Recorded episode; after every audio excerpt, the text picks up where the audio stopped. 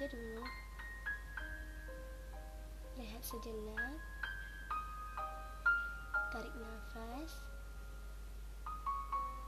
Kemudian bangkit lagi. We can. Walau tak sesuai dengan yang diharapkan nantinya, gak apa-apa. It's okay.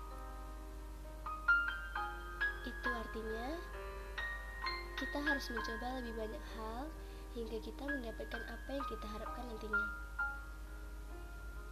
Don't be sad, oke? Okay? Jangan jadikan itu sebuah hal yang menjadikan kamu kalah. Jangan biarkan itu jadi satu langkah untuk kamu menyerah. Untuk kamu berhenti di situ aja. No. Karena gak setiap hal dalam hidup kita diberi kesempatan kedua.